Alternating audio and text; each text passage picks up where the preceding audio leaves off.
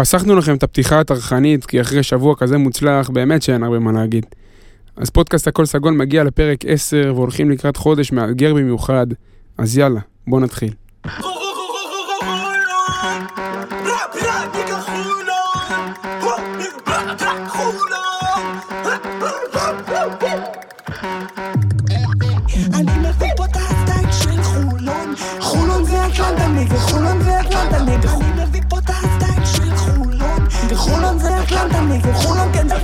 את חולון חולון זה וחולון זה את חולון חולון זה וחולון כן אטלנטני יום שני, שני בנובמבר, פודקאסט הכל סגול פותח את חודש נובמבר עם פרק מספר 10. וואה. בשעת בוקר כאן באולפני המקלט, פרק שמגיע אחרי שבוע חיובי במיוחד, עם שתי ניצחונות סופר מרשימים בגביע ווינר, של קבוצה שהיא באמת קבוצה 10, בדיוק כמו הפרק. איתי קל באולפן, סתיו טבוך, מה העניינים אחי? מה נשמע? וואלה, אני מבסוט. יש לי קבוצה עם אופי. יש ממה, יש ממה. יש לי קבוצה עם אופי. יש תחת, השנה. כן, יש תחת. תחת? נראה- תחת? כן. נראה לי זה אופי, נראה לי זה הקשיחות. זה הכל ביחד. ואפרופו אופי וקשיחות, מאיר עובדיה, איך אתה? אני כהרגלי בסדר, סביר, אין תלונות, הכל טוב, אפשר להתחיל. הפתעת מה בסדר הפעם. אה, חכה, עברת את חכה. הסביר? שמרתי זה- את זה. זה הגיוני? שמרתי את זה לחלק האחרון של אה, הפרק. אוקיי, אוקיי. אז מאיר סתיו, כמו שאתם יכולים לראות, אלינו הצטרף היום שחקן חיזוק, שהתכונות הבולטות שלו הן כליאה לשלוש, סגירה לריבאונד ושליטה מרשימה ברזי הכדורסל האירופי, אביב מלמד, שלום שלום. היי, מה קורה? איך אתה? כיף, כיף, כיף להגיע לפה שכולנו ככה, כולנו ככה באים באופוריה, זה, זה, זה כיף. זה ככה- אופוריה או שבאמת יש במה להיתפס?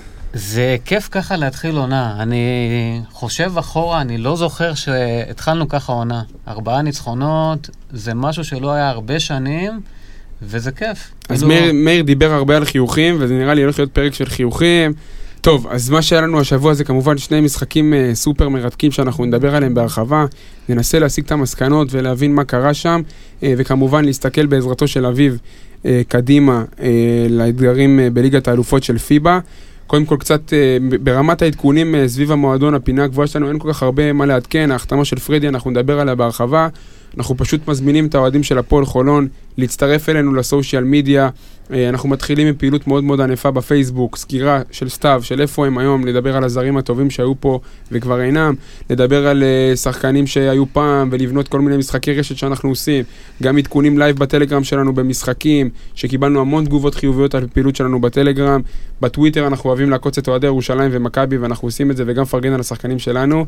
טרוס מגיע אחרי המשחק נגד ירושלים, תצוגה של ציוצים, תצוגה, ואנחנו אוהבים אותו מאוד בקטע הזה. ועם אחד מיועדנו אה, יעקב מאיר. גם יעק- כן. עקיצה לא קטנה. עקץ את יעקב מאיר ידידנו, אה, ואנחנו נסלח לו על זה. אז, אה, אז היום נמצא איתנו אביב מלמד, הוא אוהד מסור של חולוניה, כולנו יודעים, הוא מוכר גם כאיש כדורסל, משתף אותנו הרבה מהידיעות והתובנות שלו בהרבה מאוד פורומים בפייסבוק וברשת בכלל. אה, מתמחה גם בכדורסל אירופי. אביב, תספר לנו קצת על עצמך, החיים האישיים, החיבור למועדון, בכללי, איך אתה רואה את עצמך כאיש כדורסל, שנכיר אותך לפני שאנחנו מתחילים לעסוק בכדורסל גרידא. כן, אז אה, כאוהד חולון, אני, מאז שאני זוכר את עצמי, זה כילד, בשנות, תחילת שנות ה-90, זה, זה, זה התחיל, ו, ועד היום. מה, הכרת המשוגע? הכרתי את המשוגע, כן, זה, זה, יש את הדורות האלה, אז אני הייתי בדור הזה של, אה, של שנות ה-90, האכזבה בגמר גביע של 94-95. אה, ככה בחיים אני איש פרסום. כיום כרגע בין עבודות לקחתי פסק זמן כי בת הזוג שלי כל יום אמורה ללדת. הרבה הרבה גם- מזל טוב. אז גם השארתי את הטלפון שלי אה, על שקט, אבל אה, לתת לו מבט. אה, מאוד שמח להיות פה. שמחים שאתה איתנו, שמחים שאתה איתנו, יש לנו המון המון עבודה היום. אז בואו, בואו ככה חבר'ה, ניגש לדיון, הכרנו קצת את אביב, הבנו ככה שהוא איש פרסום, ונראה לי שהוא היה שמח לעשות אה, פרסומת לסגל הזה של הפועל חולון שנבנה השנה, כי, כי יש עם מה לעבוד. משחק מול הפועל ירושלים במוצאי שבת, אה, 89-85 להפועל חולון על הפועל ירושלים, מגי עם 27 נקודות, סי.ג'יי עם 19, ג'ונסון עם 16, פליני ואוול עם 6, וורקמן מיילס עם 5, וגם החבר החדש, מונמי, פרדי בורדיון, עם חמש נקודות. מאיר, דבר איתי קצת על המשחק, סכם לי אותו מבחינת הסיפור, מה, מה היה לנו שם, מה ראינו? אז קודם כל התנפלות אדירה של חולון ברבע הראשון על כמעט כל מסירה שירושלים מנסה אה, לבצע. אה, אני לא זוכר כמה חטיפות בדיוק סיימנו ברבע הראשון, לדעתי שמונה? שמונה, שמונה. שמונה חטיפות, כן. אה, שמונה חטיפות, אה, וזה יחסית, זה כאילו נתון אדיר בסך הכל רבע אחד. זה עשר- סוג של... עשר דקות של זה כדורסל. אימם את ירושלים על ההתחלה. אז, אז ירושלים ככה נחתו בדיוק מה, מהמשחק אה, אה, בטורקיה, ולא ציפו ל... אתה יודע, זה בסך, בכל זאת זה גביע ווינר, זה לא עכשיו איזה משחק ליגה לחיים דווקא- ומוות. דווקא זה חיים ומוות, גביע ווינר. כן, אבל גביע ווינר. אבל ראינו את חולון כבר בשנים האחרונות בגביע לא, ווינר, אבל בשביל לא... הפועל ירושלים זה תואר, והם אה, אוהבים לקחת אותו בתחילת עונה, והם אה, התייחסו לזה ברצינות. אז לפחות ברבע הראשון זה לא היה נראה ככה, אה, וחולון באמת קפצה והתאבדה על כל כדור, וראינו את הסלים הקלים ש, ש, שהתווצרו מכך. אני יכול להגיד שמאחרי הרבע הראשון, אני קצת לא, לא הבנתי, עוד פעם, זה לא ממקום של ביקורת, פשוט אני רואה שכל התקפה מחפשים את uh, תמיר בלאט. כל התקפה מחפשים את תמיר בלאט, וזה תוכנית משחק, זה, זה ככה כל מאמן עובד שמשחק נגד הפועל ירושלים. אבל אני מרגיש שקצת, שזה גם הסיבה לנפילה ההתקפית שלנו, קצת לא יצאנו מהתוכנית הזאת מתי שזה לא עבד. וראינו, היה, אה, אני חושב שאבנשטיין גם רשם על זה, שהיה היה איזה טיים-אאוט, שיצאנו מהטיים-אאוט, היה תרגיל שהוא לא קשור לתמיר בלאט, קריס ג'ונסון הגיע למצב של, אה, של אה, דנק. ומה היה האיבוד? לא, הוא הגיע למצב של דנק, פספס אותו, אבל עדיין הגעת למצב קליעה נוח ממש. אז קצת הפריע לי שלא יצאנו מה, מה, מהשבלונה הזאת של אה, לתקוף את אמיר בלאט. השאלה אם יש לדדס כלים בכלל לצאת מהשבלונה הזאת, השאלה אם זה לא משהו שאנחנו אני לא, חושב, כל העונה. אני לא חושב שיש כאן מישהו שיושב על השולחן ויש לו ספק בכך שיש לנו גם אה, כלים אחרים. אה, זה ככה בנוגע לחצי הראשון. חצי שני, ראינו... אני, סליחה שאני מדבר על, ה, על, ה, על הדברים הטיפה יותר, שפחות אהבתי במשחק, אבל אה, האוול, חצי, חצי שני, מסופסל. אה, המשחק נעצר, וארבע דקות אחרונות, פשוט התפוצצות, והרבה מאוד טעויות של ירושלים, גם קצת עזרה מהשופטים. הביאו תכף. לך גמר. תכף אני אסביר אה, למה בדיוק הגיעה ההתפוצצות לדעתי, איך שאני רואה את זה. אז מאיר סיפר לנו ככה את ההבדלים בין הרבעים ואת הדרך שבו התפתח, התפתח המשחק. סתיו, תן לנו כמה דברים אה, מעניינים מתוך הבוקסקור, שאנחנו וגם האורח שלנו ידע להבין בגדול מה קרה פה מבחינה סטטיסטית. קודם כל ראינו משהו שלא התרגלנו אליו עד עכשיו העונה, וזה אחוזים מזעזעים לשלוש. מה היה- קרה שם? היה לנו. 5 מ-25. מה זה? מה היה קורה אם היינו קולים 10 שלשות? היינו יכולים לסגור את המשחק מוקדם מאוד. אה, זה, וגם במאני טיים היה לנו את השלושה של פניני שעוד הקפיץ לנו את האחוזים באופן משמעותי, אז... אה, דווקא אבל זה שניצחת עם אחוזים כאלה, זה, זה עוד יותר סוג מרשים, של, סוג של ואנחנו אמירה. אנחנו ננסה להבין למה זה קרה ואיך זה קרה, אבל שימו לב לאחוזים משתיים.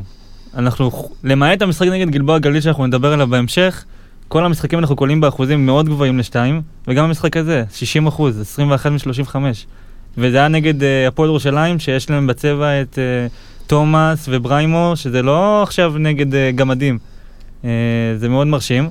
ומה שהכי מרשים אותי, זה הקליעות עונשין.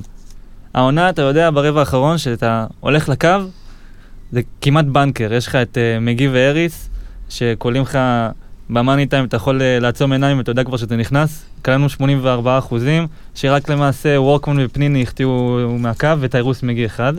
Uh, שימו לב למגי, שיחת 11 פאולים, וגם נגד גלבוע גליל שיחת 9 פאולים. יש לו בגביע מינר ממוצע של 10 ספיגות עבירות, זה משחקים מטורף. זה אגרסיביים. מטורף. אביב, מה אתה אומר על, ה, על הנטייה הזאת שלנו לסחוט עבירות וללכת לקו? אם אני לא טועה, עשיתי קצת שיעורי בית, הסתכלתי על הרבע האחרון, אביב. לדעתי קלענו משהו כמו שניים או שלושה סלי שדה, כן. וסיימנו עם 31 נקודות. זה אומר שיש לך פה קבוצה של אנשים עם, עם, עם דם מאוד קר. אה, אני הסתכלתי שוב על ה- על המשחק אתמול. דקה, לס... דקה לסיום היינו על 79 נקודות. 79 נקודות, בדקה האחרונה כללנו 10 נקודות, כמעט, יר- כמעט, יר- כמעט הכל מהקו. נראה לי שהכל... ירושלים חילקו לנו סוכריות פשוט ו- במאני טיים. לא הבנו מה קרה, למה הם עושים את העבירות האלה? קטש אמר אחרי, אחרי המשחק שזה לא היה מתוכנן. זה היה מאוד תמוה וזה היה לטובתנו. ראינו, ש, ראינו שבאמת אה, ירושלים קצת ככה טועה במאני טיים ונותנת לנו נקודות אה, קלות מהקו, אבל עוד פעם, צריך לנצל. ואתה דיברת איתי ברמה האינדיבידואלית על סי.ג'יי אריס, מאיר, וסיפרת לי שכאילו אתה תופס ממנו הבן אדם שדווקא אליו אנחנו נלך במאני טיים, או שאנחנו נלך למגי? לא. כי בכל מקרה צריך לשחק- ללכת לבן אדם אחד, אי אפשר לשחק על לא, שניים. לא, אני תמיד, תמיד אמרתי שבמאני טיים השחקן ללכת אליו זה, זה מגיב, וראית איזה סלים וירטואוזיים הוא יודע לעשות. אני לא יודע על מה אתם מדברים, יש לנו גיא פניני בקבוצה. אה, גם נכון. אבל שים לב, הנה, זו, זו עוד בעיה חיובית. יש לך פשוט ריבוי של ידיים שיכולות לגעת בכדור ברגעים האלה. וזה, וזה לא, זה לא קורה בכל קבוצה. סנדרו ירושלים, שזו קבוצה מעולה, אוקיי? לכמה שחקנים היית נותן שם את הכדור ברגע האחרון? אולי שעברה- אחד. שנה- אולי אחד. שנה שעברה שהיה להם את הסגל המטורף, הייתי נותן את הכדור לבראון וסוג של זה, או אפילו לא לפלדיין. כל, כל עוד אה, בראון לא חוזר, אין לפועל ירושלים העונה- העונה את ה killer instinct שהיה להם שנה שעברה. אני חושב שזו נקודה מאוד חשובה, שכבר בתחילת העונה אנחנו יודעים שיש את המישהו הזה ללכת אליו במהלך האחרון. זה מאוד חשוב. שנה שעברה לא היה לנו. לפני שנתיים היה לנו את וולדן, לפני שלוש שנים את רייס, אה, יודע מה? קלייבורן. גם לחזור. וולדן, גם וולדן, אני לא יודע אם הייתי הולך עליו במהלך האחרון. יכול להיות. לא יודע. וולדן היה איזה קטע שהיו מחלקים לו הרבה עבירות. אבל אביב, נכון. מה- אביב, מה, ש, מה שמאפיין קבוצות של חולון אה, שהצליחו להביא הישגים, ואתה הזכרת פה את גלן רייס, זה קבוצות שהיו, כמו שאתה אמרת, מאיר, הרבה שחקני מאני טיים. בקבוצה הגדולה של רייס, טו הולווי יכל לקחת כדור אחרון. גלן רייס יכל לקחת כדור אחרון, פניני יכל לקחת כדור אחרון, כמה וכמה שחקנים שיכלו לעשות את העבודה במאני טיים, וגם פה יש לך גם שתי, שתי בולדוגים בקו האחורי שיש להם, יש להם ביצים, כמו סי.ג'יי ומגי, אנשים ש... וזה גם אחד מהדברים שדיברנו עליהם בקיץ, בהבדל משנים קודמות, לא הבאת rookies מג'י ליג, הבאת שחקנים שלקחו אליפויות באירופה, והנה ההבדל. ו- ו- ושחקני מאני טיים זה משהו שהוא מאוד חשוב בקבוצות שלקחו בחולון תארים, ואני לא מקדים את המאוחר. משהו- ו- מה- וזאת בדיוק הסיבה למה דדס לא משחק עם האוול במאני טיים. הוא לא, הוא לא מחזיק ממנו כן, כשחקן יש, כזה. אבל יש לו לשחק איתו במאני טיים, ויש לו לשחק איתו כל החצי השני אחרי שהוא היה די טוב. אני מסכים איתך, הוא היה, היה לו מקום להיכנס בתחילת הרבע הרביעי, אבל בחמש דקות האחרונות אני מעדיף את uh, ג'ונסון ווורקמן uh, שם למטה מאשר את האוול. עכשיו, עוד משהו, שזה מעניין מאוד לגבי גיא פניני. שהוא בא בכמה צעדים האלה לכיוון השלשה המפורסמת שהוא קלע נגד ירושלים עכשיו. תגידו, למישהו פה היה ספק שהוא יקלע את השלשה הזאת? שלא הקלטת. שהוא לא יקלע את השלשה הזאת? לא באמת. זה... אתה יודע מה, אני אמרתי מה אתה עושה. מודה. מודה, אני צעקתי מה אתה עושה. זה היה בטוח כמו קליעות עונשין של אריס במאני טיים. אני לא יודע, אני- אני האינסטינקט שלי היה לצעוק כאילו, מה אתה עושה? כאילו, כי... ושתבין, פרדריק היה פנוי ב- ממש בפינה כן, השמאלית אני ראיתי שלו. אתמול את זה במאני טיים, פנוי הוא- לגמרי. הוא מוחא לו כפיים, הוא. צועק, הוא אומר לו, כאילו, תמסור לי. והוא מרים את השלשה. אף אחד לא היה לו ספק. אה, דברו לי קצת, אה, דברו איתי קצת, התחלנו לדבר על סי.ג'יי ודיברנו על על על העליונות שלנו במאני טיים, דברו איתי קצת על שחקנים ברמה האינדיבידואלית. אה, ראית דברים מאוד מאוד מעניינים בפלוס מינוס. שוב, אנחנו כבר אמרנו בעבר, זה כאילו כל משחק או וורקמן או ג'ונסון מובילים במדד של הפלוס מינוס. וכשרואים משהו בפלוס מינוס שהוא עקבי, אני מייחס לזה חשיבות. מי הוביל הפעם? הפעם וורקמן הוביל עם פלוס 16 כשהוא על הפרקט, וואו. והאוול שוב עם מינוס 7, הכי מעט בקבוצה. אז אפשר להגיד, ש... אפשר שההחלטה של דדס. לסוג של לייבש אותו בחצי השני לא באה מ-out of nowhere. אני לא מאמין שהוא מסתכל על הפלוס מינוס בזמן משחק, אבל זה משהו שאנחנו רואים כבר שהוא יחסית עקבי. טוב, אז דיברנו על זה בקטע של השלושה של פניני. אביב, אה, סכמו לי את ההופעת בכורה של פרדי, ובכללי, דבר איתי על ההחתמה הזאת. אתה, אתה מרוצה כאילו, או שיש לך מה להגיד? אני מאוד מרוצה, כי זה מאוד מתחבר לקבוצה קשוחה. קשוחה, ואני גם... אה, לא נחמדה. בורדיון, פניני, אה, ג'ונסון, וורקמן. אנשים, וורקמן, אנשים קשוחים, ש... שחקנים קשוחים שגם יעזרו לנו אולי לעלות סוף סוף שלב באירופה. אני מאוד אוהב את זה כי, הוא, כי, זה, כי זה מחבר אותו, והוא גם מסוג השחקנים שנראה לי שמאוד אה, מאוד אנרגיות של קהל מאוד עוזרות לו. פה אתה, אתה עושה לי רק יותר כואב בלב עם האנקדוטה הזאתי, אבל בוא נגיד ככה, לדעת, אפשר לסכם את הדעה פה של צוות ה pod. דיברנו על זה גם בלייב בזמן ההחתמה, סתיו העלה טור לפייסבוק אה, על ההחתמה, אנחנו חושבים שזאת החתמה מצוינת. הוא מגיע לעמדה שכרגע אין בסגל, כאילו שתיים עם נטייה לשלוש, אין לנו את ה swingman הזה שיכול לזוז בין השתיים לשלוש כרגע בסגל. אה, מוסיף עומק לקו האחורי, שעומק שזה דבר חשוב, שסתיו צעק פה בכל ה preseason שאין עומק וצדק במאה אחוז. בן אדם שהוא מנוסה מאוד בליגה, שיחק בהמון קבוצות, וגם ברמה אירופית, אביב נתן שנה שעברה קמפיין נהדר ביורו-קאפ עם ראשון, אחוזים מדהימים לשלוש, סיפק שם אה, תרומה התקפית וגם לחץ הגנתי, זכור שם פוזיישן מפורסם שהוא לחץ את תאודוסיץ והוציא לו את הכדור מהיד. אה, שחקן שמתאים לתצורה של חולון.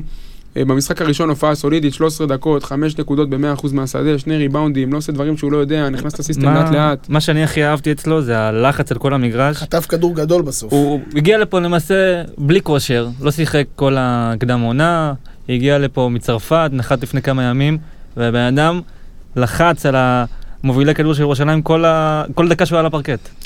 אביב, אה, שאלה קצרה, מה דעתך? אתה חושב שהרומן הצרפתי יהיה ארוך יותר מחודש? אנחנו נראה אותו עד סוף העונה? איך שאתה מעריך? אני מאוד מקווה, זה גם מאוד תלוי ב- ביוגב אוחיון. אה, אני מאמין שאם הוא יוכיח את עצמו בזמן הקרוב, הוא ימשיך איתנו עד סוף העונה. לצערי, לפי דעתי זה תלוי בתקציב ולא ביכולת המקצועית שלו. בדיוק, בדיוק, בדיוק. אבל כאילו, אתה יודע, אני אומר את זה, אני גם רוצה להגיד משהו כאילו, שאני די מתבאס עליו, אבל שנה שנייה ברציפות, יוגב אוחיון מוכיח שהוא לא הבן אדם לבנות עליו לקו האחורי, כאילו, הוא לא, אין, אין מה לעשות, עם כל ההשתדלות והרצון והניסיון, והוא באמת שלו. שם גדול, אין, אי אפשר, אין, אין מה לעשות. אין מה לעשות, הבן אדם לא עומד בעומס הפיזי, כאילו, ואני לא מאשים אותו שהוא נפצע, חס ושלום, ומאחל לו רק בריאות. אבל זה לא, זה לא משהו קונסטיצנ... קונסטי... קונסיסטנטי לבנות עליו. דבר בעברית, רועי. אני, אני, אני אוהב את הלטינית. אה, אוקיי. אני רוצה ל- לשים זרקור על עוד איזה שחקן אתמול. אה, מה קורה בימים שבהם הקליות של איזיה מיינס לא נכנסות? האם יש לנו, יש לו משהו אחר להציע לנו מבחינת משחק אביב? אתה רואה שיש לו... אתה רואה שיש לו משהו אחר לתת, או שהוא בן אדם של שוט וזהו? זו נקודה מאוד חשובה, וראינו את זה, ראינו את זה במשחק האחרון. התשובה היא פחות... לא. בן לא, אדם לא, לא, לא, לא יודע לא, להוריד לא. כדור לרצפה. התשובה היא טיפה יותר ארוכה. לא ככה. זה אמור להיות דווקא ככה. במחצית הראשונה ראינו ממנו קצת, אה, יצא לארבע נקודות קלות במתפרצות. שגם היה לו חמש נקודות למעשה, כי הוא היה and one. תגיד, יש לי שאלה. הוא דווקא דפק שם איזה דנק, אבל מעבר לזה הוא לא... כל כדור. הלך לו במשחק הזה. שהוא הלך ב- במתפרצת 1 על 0 לסל, הוא בכוונה הלך כל כך לאט, או שהוא באמת כזה איטי? אני לא לא שמתי לב לא- לא- לאיטיות. הוא הלך, הוא רץ כזה לאט הוא לא. זריז נקודה, הוא לא זריז נקודה. אני לא. יודע אם הוא חיכה או לא חיכה, אבל ב- ב- בנוגע לרמה, על היכולת ההתקפית, של- פשוט, גם דיברנו על זה הרבה לפני שהתחילו המשחקים, שלא תצפו ממנו לדברים אחרים חוץ מהקליעה לשלוש, ובימים שלא ייכנסו לו הכדורים. הוא אז לא- נשחק לא עם לא פחות-. לשחק עם שחקן, שחקן פחות בהתקפה, אבל מה שכן, שכן מרווח את המשחק ונותן לגארדים שלנו את היכולות לחדור. מה שהוא אכזב אותי הכי הרבה במשחקים בירושלים זה היכולת ההגנתית שלו. הוא זלמנסון חדר עליו, למזלנו זה היה זלמנסון, הוא החטיא איזה שני לאפים, אבל זה היה קל- גם- קל מדי, והיה מדי. גם כמה טעויות בפיק אנד רול שהוא לא לא כיסה נכון, ותמיר הוא בלאט לא היה- התפנה שם הוא לא היה. מרוכז במשחק הזה. טוב, עוד אה, שחקן ברמה האינדיבידואלית שתרצו לשים עליו את הדגש, אביב, מישהו שלך? אה, אני שוב רוצה לחזור לארוול, אוקיי. שלקח שם, לקח שם שתי שלשות שהוא החטיא אותן. דבר איתי על השלשות שלו. אה, ניסיתי לבדוק קצת אחורה, כמה שלשות, ארוול לקח מתחילת העונה שש שלשות, את כולם, אה, את כולם הוא החטיא. במשחקי אימון, אם אני לא טועה, נגד גלבוע, הוא קלע איזה אחת. משחקי אימון לא נחשב. משחקי אימון. בשני משחקים בבלקני, את שני גביע המינה, הוא לקח שש זריקות, את כולן, את כולן הוא החטיא. בשנה שעברה, בכל העונה, הוא לקח זריקה אחת ואותה החטיא. חוזרים עוד קצת להפועל תל אביב, שמונה שלשות, כאילו זרק שמונה שלשות. לאורך עונה שלמה. כלה שנה, בעונה שלמה. אז משהו השנה, אני לא יודע, אולי זה הוראה של דדה. יש מצב. אה, אבל בתחילת עונה זה לא נראה טוב, ויכול להיות שדדס רואה אותו לוקח את הזריקות האלה שהן זריקות לא טובות, אז, הוא, אז זה גם אה, גורם לו להוציא אותו החוצה. אבל אה, זריקה אחת הייתה בסוף שעון אם אני לא טועה. לא זה משנה, זה של לא בן. אדם, זה עצם העובדה שהוא מרשה לעצמו להרים את השלושה. עכשיו, אני מאוד הייתי בעד. אני בעוד. אני בעד שסטף ישים לו למטרה, להגיד לו, ריצ'י, תרים שתי שלשות למשחק. תחטיא, אין בעיה, אני מוכן, אני מוכן להכיל את זה. יש לי מספיק קלעים בשאר הקבוצה שיחפו עליך מהבחינה הזאת של האחוזים הקבוצתיים. אבל, אה, אבל אני מסכים איתך כשברגע, ש- בימים שלא הולך, בימים שכל הקבוצה קולט 20 אחוז, שסוג של מרשה לעצמו להרים שתי שלשות ככה מכדרור, זה היה אחת- מהם לדעתי. זה קצת לא נראה טוב. הנקודה של האוול באמת באמת אה, קריטית לנו להמשך העונה. בואו נדבר קצת על אה, הבחור על הקווים. אה, בוא נגיד ככה שהוא לא... הוא לא היה באווירה של מוצרט ובטהובן ובאך בזמן המשחק, מאיר. דבר איתי, דבר איתי קצת על סטף. אה, מה יש להגיד? אה, ראינו את השיטה, זו שיטה שהיא לא אופיינית, לפחות לא בכדורסל בישראל, כי בדרך כלל אנחנו רואים תרגילים, תבניות מאוד ברורות שחוזרות על עצמן שנה אחר שנה, ועכשיו זה, אתה רואה, גם נגיד האוזמן בשידור אומר, כאילו, מה, זה, זה, זה לא שיטה בדיוק, זה לא איזושהי שיטה. אז אה, כן, זה, זה סימן שאלה. אני לא יודע אם זה יחזיק מעמד לאורך כל העונה, סליחה על הפסימיות. אה, היו חסרים לי, לפחות ברמה ההתקפית, היו חסרים לי קצת, קצת דברים יותר מגוונים, חוץ מה... אתה יודע... אולי אין לו. לא, לא בטוח שאין לו. אני בטוח שיש, הוא פשוט, אני עוד פעם, חוזר לתמיר בלאט, הוא הלך פשוט כל התקפה על תמיר בלאט, שהוא על המגרש כמובן, והנה, שתמיר בלאט בכמה דקות האחרונות ירד מה, מה, מהמגרש ולא היה לך כבר את מי לתקוף, אז הכדורסל זרם. הכדורסל זרם, וראית פת, פתאום, חזר, כאילו חזרנו לסורנו. לא זרם, פשוט הפועל ירושלים עשו פאולים. עדיין אבל. אי אפשר היה להתעלם מזה שכל התקפה פשוט זה היה תמיר בלאט, וזה זה, זה המתכונת, כאילו, זה מה שצריך לעשות. עכשיו, מעבר לזה, כל המחמאות לדדס, 4-0, אה, גם בבלקנית. מאזן 14-5 לסטפנוס דדס מהרגע שהוא נחת פה בכל המסגרות. אה, אין כולל עונה שעברה. אין ספק. עכשיו, אתה יודע מה הדבר שהכי יפה? זה שאתה יודע, לעומת מאמנים אחרים, שזה נגיד משהו מאוד מעניין, נגיד שמו דן שמיר, שאתה יודע כמה אני באופן אישי אוהב אותו. אה, במשחקים כאלה, לא היית בטוח איך הקבוצה תעלה מבחינת הרוח לחימה. כאילו, היה- היה משחקים באילת שעלית, והיית...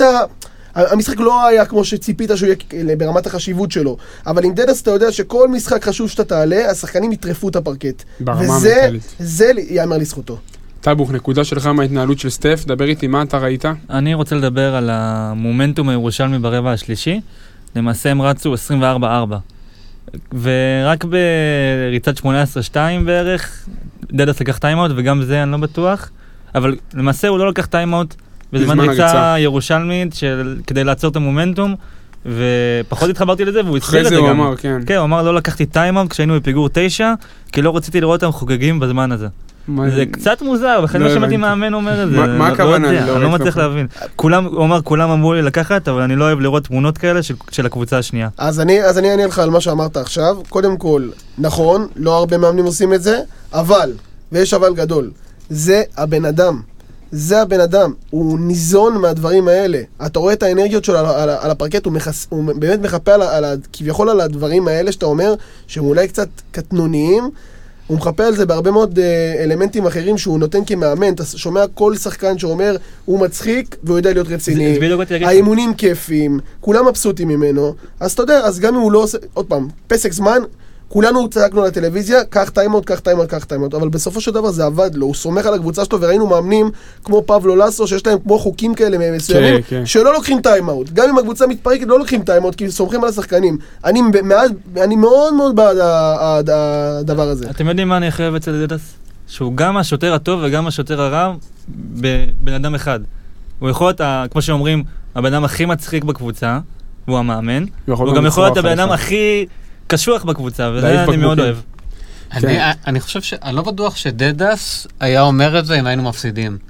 זה שהוא ברור. אמר את זה שניצחנו, אז כאילו אנחנו מקבלים את זה. אם הוא היה אומר את זה אחרי הפסד, כולנו היינו קוטלים אותו. ברמה שברגע שמבחן התוצאה כן. עובד לטובתך, אתה משחק את עצמך איזה גאון. כן. בוא נראה איך זה יעבוד בשאר העונה. אביב, אה, דיברת איתי על הזריקות אה, מחוץ לקשת של ריצ'י, דיברנו גם על ערב כללי של הקבוצה שהיה מאוד מאוד גרוע מבחוץ. רצית לדבר על, אה, על אלמנט שאתה ראית ברבע האחרון מבחינת פילוח זריקות. דיברת אה, איתנו על משהו מאוד מאוד מעניין שם. כן, אנחנו... זה המשחק הרביעי שלנו, עונה, משחק רשמי. ראינו שלושה משחקים שהתוכנית עובדת. התוכנית עובדת, ב- ב- ב- בשיטה של דדה זה הזריקות מבחוץ, קרוב ל-30 זריקות במשחק, קרוב ל-50 אחוז, ופתאום מגיע משחק שזה לא הולך. לא הולך, ואנחנו ראינו את זה ממשיך ככה שלושה רבעים, אה, שהיינו בממוצעים האלה, ב-21-22 אה, זריקות ב- עד סוף הרבע השלישי. רבע רביעי, לקחנו שלוש זריקות, שתיים מהם נכנסו, ואפילו שהיו לנו חמישה גרדים על, המשחק, על, ה, על, ה, על הפרקט, לא זרקנו. לא זרקנו, וזה אחת הסיבות ל... אתה מדבר על. אז אתה מדבר על משחק מבוקר יותר, משחק אחראי במאני טיים, שאתה... אולי כאילו, אתה יודע, זאת השאלה שלי, אני אשאל אותך שאלה. בימים שבהם הזריקה לא נכנסת, איזה הוראה סטף אמור לתת לשחקנים? אל תזרקו כי זה לא היום שלנו, או תמשיכו לזרוק כי זה מי שאנחנו. אתה מבין, אתה מבין את ההתלבטות? אה, אני חושב שאנחנו פשוט ראינו את השחקנים שלנו אה, מפסיקים לזרוק. אתם זוכרים גם שה- שהזריקה של בורדיון הייתה ממש בשנייה האחרונה. הייתה זריקת התאבדות. הזריקה של בורדון הייתה ממש בשנייה האחרונה, וגם פניני, פניני זו הייתה זריקה טובה, אבל לא זרקו במשך עשר דקות, פשוט לא זרקנו מחוץ לקשת. תשמע, זה מתחבר למה שאני אמרתי לעצמי תוך כדי משחק. אם אתה היית אומר לי שרבע רביעי הפועל חולון תהיה עם אה, שלוש מ-22 ל-3, לפני שתי השלשות, שלוש מ-22 ל-3, היית אומר לי, תשמע, רועי, אני נותן לך סיטואציה. חצי גמר גביע ווינר, הפועל חולון, הפועל ירושלים, רבע רביעי, לא אומר לך מה התוצאה. הפועל חולון 3 מ-22, הפועל חולון הנוכחית. היו שואלים אותי כמה כמה, הייתי אומר ירושלים מובילה ב-20. וזה הסיפור של המשחק. זה קבוצה ששברה קונספציה פה, אני כתבתי את זה גם לאבנשטיין בפוסט, קבוצה ששברה קונספציה, קבוצה שכולם בטוויטר, כל אנשי הכדורסל, אנשי המקצוע אמרו, יש פה בעיה, זאת קבוצה של שלשות ותו לא. והנה פה יש פה חבורה של גברים שהוכיחו שיש פה גם אלמנטים של אגרסיביות במשחק, אלמנטים הגנתיים שאנחנו יכולים לראות בהם עדיפות. ואני רוצה לה, לספר לכם על איזה משהו שאני בדקתי לגבי הרבע האחרון, הנקודה שלי. אספר לכם סיפור. אה, מאיר דיבר אתמול בישיבת lineup על דינמיות של סטפנוס דדס, בן אדם ש... שלומד תוך כדי תנועה ומתאים את עצמו, בן אדם שהוא לא מקובע. שתי דקות ו-46 שניות לסיום, אנחנו בפיגור 7. סטף מחליט להוריד את איזיה מיילס מהפרקט, מחזיר אותו רק ל possession האחרון. שתי דקות וחצי אנחנו על הפרקט עם האריס, מגי, בורדיון, וורקמן, פניני. אביב מלמד הוא אוהד ותיק, יש מצב שהוא יכול להגיד לי שזאת החמישייה הכי נמוכה שהייתה בחולון אי פעם, 30 שנה, אני לא יודע. אני לא הייתי אז. סטף מחליט ללכת פעם ראשונה במשחק על לחץ full court, full court press, כל המגרש. החלטה מצד אחד שהיא נראית יומרנית, כי, כי עודד קטש בשלב הזה עדיין היה עם ההרכב שלו של שלושת מובילי הכדור עם פיליפ קרמר ובלאט, כי בלאט אחרי זה קיבל את הבומבה ויצא. בואו נראה, ששואלים את עצמכם, החלטה של מאמן ב money time. תראו מה התוצאה. possession הגנתי ראשון, כשאנחנו בלחץ כל המגרש, מביאים trap על מלקול מין בצד, איבוד לירושלים. possession הגנתי שני, שאנחנו לוחצים כל המגרש, טיישון תומאס מוביל כדור במרכז המגרש, פרדי בורדיון לוחץ עליו, מוציא לו את הכדור, חטיפה. possession הגנתי שלישי, לוחצים כל המגרש, דוחפים את ירושלים לסוף שעון, deflection החוצה שנשארו חמש שניות, קריס, קר... קריס קרמר שולח זריקת התאבדות מחטיא. possession הגנתי רביעי, לוחצים כל המגרש, סוף שעון, קריס קרמר חודר, מחטיא. בום. ארבעה פוזיישנים הגנתיים שאתה לוחץ כל המגרש, ארבע עצירות הגנתיות. אם זה לא בינגו, ואם הוא לא צריך לקבל את הקרדיט, אני לא יודע מה הוא צריך לקבל את הקרדיט כבר. אז תראה, קודם כל, בנוגע ל- לסוגיית הלחץ, אני לגמרי איתך, זה- זו החלטה נכונה של אה, סטף בדקות האלה, אמ, אבל אי אפשר להתעלם מה... פשוט חוסר כישרון הישראלי שיש בירושלים, זה פשוט זה- ניכר, אתה יודע מה היה. המדד, אתה יודע מה היה המדד הישראלי של ירושלים בסוף המשחק? 11. עכשיו, זה לא שאתה נוסק, אתה עם אה, 20 ו-26, אבל 11 מדד ישראלי, אתה יודע, אה, זה כמעט תרומה אפסית. זה כמעט חוסר פשוט תרומה. זה, זה סיפור המשחק. אז הסיפור של הרבע הרביעי, זה היה באמת העניין של הלחץ שהביא לנו את השינוי, אבל אי אפשר להתעלם מהמג'יק מומנט של המשחק הזה. ועכשיו מגי מוצא את פניני לשיגור מקילומטר, קיים פניני! איזה סל ענק! איזה שלשה של פניני, יאללה. דיברנו על זה מקודם, אפילו האוזמן אמר בשידור, זה לאה בשבילו, זה משהו ש... שאנחנו, אני, אני מקווה שנראה ממנו את, את היכולת של 2018-2019, כאילו שהוא היה באמת ה-go to guy שלנו בסוף. דברו איתי קצת על שחקן מצטיין, אה, אביב, אני ומאיר הסכמנו על אה, מגי. אביב, מה יש לך להגיד על המשחק של מגי? אמ, שוב, אמרתי את זה קודם, אני מאוד אהבתי שהוא לקח אחריות. הוא לקח אחריות ו- ו- וניצח לנו את המשחק. היה את ה...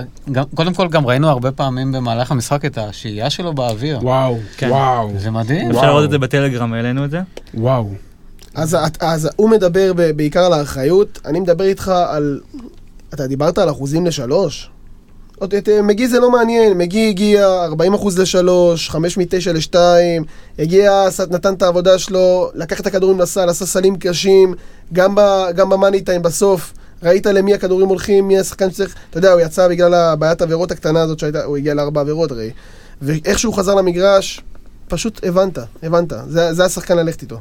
סתיו, יש לך מה להגיד בנושא? המצטיין שלי זה בכלל קריס ג'ונסון. הבן אדם, אה, אולי הוא לא כלה הכי הרבה, הוא כלה 16 נקודות, שזה גם מאוד יפה, הוא לא כלל שלושה אחת, אבל הוא היה עם חמש חטיפות, וזה לא הכל, הוא פשוט עט על כל כדור. פעם, אה, צ'אבי אלונסו אמר על, אה, על פויול שהוא עט על כדור כמו חזיר בר פירי. זה אותו דבר על ג'ונסון, כל כדור הוא רץ אליו, לא משנה מה, אם הוא יכול להגיע, לא יכול להגיע, רק אם אני- נעכב את ההתקפה של. ירושלים, הוא עושה אז את זה. משנה אתה פתאום לא, משנה את עצמך? אם היה אפשר לבחור אה, שני נשאל MVP, מן. הסתם הייתי בוחר בג'ונסון. נשאל אתכם שאלה, אביב מאיר, ונשאל אתכם שאלה. המשחק מתנהל כרגיל. תוציאו את קריס, אי אפשר. מה, חכה, תוציאו את קריס ותשאירו את מגי, תוציאו את מגי ותשאירו את קריס. באיזה משתי הסצנריות ב- אנחנו יותר קרובים לניצחון? בשני המקרים אתה מפסיד, קודם אוקיי, כל. באיזה מקרה זה חמש הבדל ובאיזה מקרה זה 15 אני לא הבדל? יודע לענות לך על השאלה הזאת. אבל אה, ג'ונסון. תקשיב, הנה עוד משהו ש- שבאמת היה לי בראש, עזוב את החטיפות על הנייר, כמות הדיפלקשנים של וורקמן את ג'ונסון ביחד, גם האוול במחצית הראשונה צריך גם להחמיא לו על האוול. גם השתטח האוול, על הרצפה כאילו הוא שחקן... להחמיא גם לו, אני מקווה אבל שימשיך כמות ככה. הדיפלקשנים שהם יצרו במשחק הזה, פשוט, אני אני לא- לא הצלחתי לספור, זה היה אדיר. זה היה מעניין. מטורף. מהצד השני, דיברנו על איזה המיילס שאכזב ספציפית במשחק הזה, הוא היה פחות מחובר לשטף ההתקפי, היה לו את המהלך היפה הזה של הדנק. מהצד השני, אנחנו באמת נקווה שסטף יצליח להוציא ממנו דברים מעבר לשלושות, כי בימים שזה לא נכנס, אה, זה לא נעים. ואפרופו בימים שזה לא נכנס, בואו נדבר על ימים שזה כן נכנס. אה, בתחילת השבוע שעבר, זה היה יום שני? זה היה יום שני. יום שני. עכשיו, בדיוק, בדיוק לפני שבוע, מנצחים את גלבוע גליל 88-77 עם, אה, עם משחק שהוא סוג של אנטיתזה למשחק שהיה נגד אה. הפועל אה, ירושלים. 21 לסי.ג'יי אריס, 17 למגי, 14 לג'ונסון, מיילס עם 13, וורקמן עם 11, פניני עם 9, אוול עם 3. מאיר, המשחק שם היה מבחינת הסיפור שלו שונה. שונה, קודם כל, דבר ששכחנו שכחנו לציין, במאבק על הריבון נגד ירושלים, אנחנו לא היינו במצב מול גלבוע גליל, שזה משהו שדי חשבנו שהולכים לטחון אותנו. אז גליל תחנה אותנו, ומה זה במחצית אותנו? הראשונה. כן, אבל בסופו של דבר ראית את הדף סטטיסטיקה, זה לא דומה לירושלים. נכון, אבל אה, זה די התאזן במחצית השנייה, והולכנו במחצית השנייה בריבאונדים, וזה נגמר 37-30 לגליל. ואז עוד פעם, אני חוזר לגליל, קודם כל הקליעות נכנסו, אז לא היית צריך ללכת יותר מדי פנימה. האמת, גם כשהלכת פנימה, חטפת בלוקים. כי הצמד שם של גליל, פלויד, חתיכת אתלט. שמע, פלויד, אם הייתי צריך לבחור שחקן שבאמת חסר לנו, זה שחקן כמו פלויד. לגמרי. הוא פרוטקטור, חוסם, מתגלגל טוב, יודע להטביע, זה מה שאתה צריך שמע, כרגע. שני הסנטרים של גלבוע שונים מהסנטרים של ירושלים. שונים, יותר, יותר שונים, size, שונים יותר לגמרי. rim protector, זה שחקנים שהם קצת שונים. נגיד, טיישון תומאס הוא יותר יוצר בהתקפה, אה, פחות אה, בן אדם, הוא, הוא rim protector rim. מצוין, כן. אבל הוא לא, אין לו את, נגיד, את הפיזיות שיש ל- לג'יי פלויד. אה, במובן הזה, ו- ו- וראינו את זה באחוזים לשתיים, כמו שאמרת. במשחק נגד גלבוע עוד- גליל, הסיפור עוד. באמת היה רק הקליעה. לא היינו קיימים, חוץ, בחוץ מהאספקט, הכלייה, לא עשינו כלום. אז שים לב מה שאני אומר לך עכשיו, כי אם אתה לא קולע את הקליעות שלך נגד גלבוע גליל ואתה מגיע ליום כמו ירושלים, אתה לא מנצח את המשחק. לא מנצח את המשחק. ברור. ברור. נגד גלבוע קראנו ב-39% ל-2. ומה הסיבה? באמת, מה שאמרנו, הגבוהים של גליל הקשו מאוד על הגארדים שלנו, וגם על הגבוהים שלנו. מה היה משלוש? משלוש קראנו 52 אחוזים, זה... 15 שלשות מ-29 אפשר לקנות את זה כל אה, בוא נגיד, בוא נגיד שבימים שאתה תקלע ככה, כל עוד היריבה שלך לא עוקפת אותך כמובן, כנראה שאתה תנצח את המשחק. אם לא יקרה משהו חריג, זה- אתה היה מאוד קשה המשחק אתה הזה. כנראה תנצח את המשחק. אתה רוצה להעביר לנו שיעור קצר במתמטיקה? אה, תראה, שתיים זה פחות משלוש, וסליחה, אני לא רוצה עכשיו להגיע לבתי משפט עם זכויות יוצרים, אז האוזמן זה שלך. אני טוב. חושב שזה זה פשוט מטורף הקטע הזה עם, עם השלשות. נ, ניקח לדוגמה את המשחק, אה, משחק מול גליל. 15 שלשות קלענו, זה 45 נקודות, מתוך ה-88, קרוב ל-50% מהנקודות, משל... זה, זה באמת, אין לזה... אין לזה, אין לזה, יש לזה אין- תקדים בכדורסל הישראלי? אין לזה תקדים, אין לזה תקדים, בדק, כאילו בהיסטוריה בכלל. וואו. אין תקדים, אין תקדים, יש הממוצע, הממוצע הכי גבוה לקבוצה, זה משהו כמו בין 10 ל-11 שלשות. איך שהעונה הזאת מתחילה, זה... אתה חושב שזה משהו ריאלי לבנות על הפועל חולון אה, שתקלע אזור ה-15 שלושות למשחק באופן קבוע, כאילו? זה נראה לי גבוה מדי. גבוה. גבוה מדי, 15 שלשות, בוא, אנחנו... אפשר בין- ללכת על כיוון ה-13. אני, אני, אני חייב להודות שאני צייצתי ציוץ בטוויטר לפני המשחק אה, נגד גלבוע, אה, לפני המשחק נגד, אחרי המשחק נגד גלבוע ולפני ירושלים, שיצאתי כאילו טמבל. כאילו יצאתי מתלהב, בוא נגיד ככה. צייצתי את הדבר הבא, אמרתי, כולם כאילו כתבו, הרי מה היה הנרטיב בטוויטר אחרי המשחק? וואו, הפועל חולון קולט מדהים, אבל אין לה שום דבר חוץ מזה. ומזל שבא משחק נגד ירושלים והוכיח בדיוק את ההפך. אז אני צייצתי ציוץ שהוא סוג של תגובה. כתבתי, ההבדל בין הפועל חולון ביום רע להבדל, להפועל חולון ביום טוב יהיה כזה. ביום טוב אנחנו נקלע 15 מ-30, ביום רע אנחנו נקרא 10 מ-30. זה מה שחשבתי לפחות. ואז הגיע המשחק נגד ירושלים ושינה לי את כל מה שאני חושב בקטע הזה. אבל סביר להניח שהשינויים, התנודות של הפועל חולון באספקט הזה מקליעה להם מבחוץ, אנחנו לא נראה הרבה משחקים של 20 אחוז. במשחקים מעולים אנחנו נהיה 50 אחוז צפונה, במשחקים פחות טובים נהיה 30-35 אחוז. זה, זה, זה, זה, זה התזוזה. נכון. ו- וזה בעצם היתרון של הקבוצה הזאת. אז בקטע הזה של גליל, משחק שבוע שעבר, הרבה אופי. הפועל אה, גלבוע גליל היא קבוצה טובה. קבוצה שיש לה size, יש לה כישרון גם בקו האחורי, אה, ומזל שיש לה את יפתח זיו, שוויתר על הצעה מצ'סקה, בוסטון, סקרמנטו ולייקרס, ובסוף נשאר בגלבוע. מדייק, סרגוסה. אה, כן, הוא היה צריך להיות בסרגוסה, זה דווקא כן. מעניין. אה, שתי החלטות שלו נתנו לנו את המשחק במתנה, וזה מתחבר גם לדברים שמאיר אמר אה, על המשחק נגד אה, ירושלים. יש לך אנשים לשלוח לקו בדקות הסיום. דרך אגב, זאת הסיבה שגם דדס חזר בפרוזיישן האחרון עם מיילס במקום וורקמן. וורקמן ירד לספסל די כעוס, אמר לו, תשמע, אתה לא קולע מהקו. תשב בחוץ בינתיים, אין מה לעשות. וכשאנחנו מדברים על להתקשות בצבע מול גבוהים אה, אינטנסיביים, אנחנו בעצם אולי חוזים את מה שהולך להיות לנו בליגת האלופות של פיבה, וביום רביעי אנחנו יוצאים לאתונה, לא אנחנו, הלוואי אנחנו, הקבוצה יוצאת לאתונה אה, למשחק אה, מול אייק, אה, סגנית האלופה במפעל הזה, אה, קבוצה עם מסורת, מורשת, ובגלל זה הבנו, הבאנו את המומחה של ליגת האלופות, שיספר לנו על אייק אתונה, אביב, שים לנו קצת את, ה, את הזרקור על הקבוצה, תספר לנו על הקבוצה עצמה, על הסגל שיש בה עכשיו, תכין אותנו לקראת המשחק. או במילים. אחרות, קח אותי לאתונה, אביב. קח אותי לאתונה. אה, אז אייקה אתונה, זה... זו- ב- באתונה יש אייקה ואת הגדולות. הגדולות, פאו ואולימפיאקוס. אייקה אתונה החליטה להיות... אה, החליטה ללכת עם, אה, עם, עם פיבה, והיא בשנים האחרונות עושה שם, עושה שם חיל. אה, רוב התארים שלהם היו בשנות ה-60, יש להם שמונה אליפויות, חמישה גביעים, זכו פעמיים בגביע ספורטה. בליגת האלופות, אנחנו זוכרים הם זכו ב-2018, כן. ובשנה שעברה... ממני אריס. עם מני אריס, כן, שגם היה שם MVP.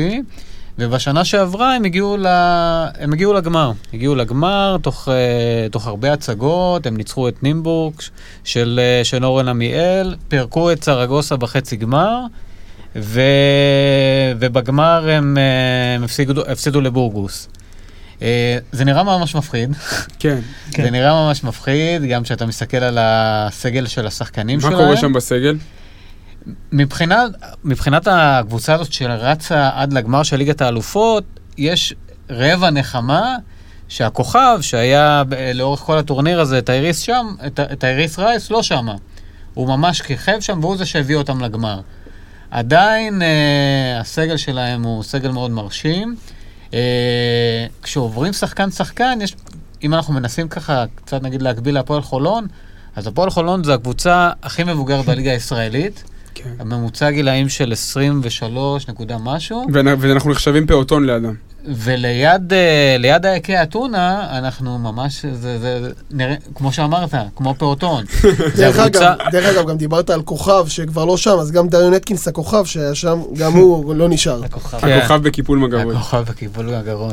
דבר איתי אה, כן על הגילאים, מה קורה שם? אז, אז, אה, אז, אז העקי אתונה זו הקבוצה הכי מבוגרת ב, בליגה היוונית, ויש מצב, באירופה ש... נראה לי. ויש מצב שגם באירופה, לא, יש קבוצה באליטה של סימאס יסייטיס רק ותיקים, אז אה, אני לא חושב, אבל אה, באירופה מככבים. אז הרבה שחקנים אנחנו מכירים, יש את אה, קיט לנגפורד, הוא בן 37. ה-MVP.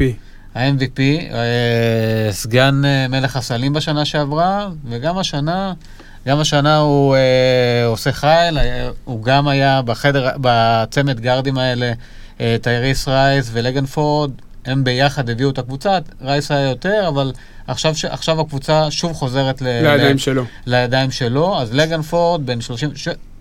כל, כל הסגל ממש של אה, אייקה אתונה באופן כללי, זה סגל שראה הכל בכדורסל האירופי. המון ניסיון, אה, המון ניסיון יורוליג. אני ו- אצטט את אה, דורון קרמר, שהיה כותב טורים על ירושלים בשנה שעברה, הוא כינה את אייק אתונה אטריות יורוליג מחוממות. לגמרי, אטריות יורוליג מחוממות. לגמרי. אתה עובר, אתה עובר שחקן... קו קדמי, מה יש לנו שם להתמודד?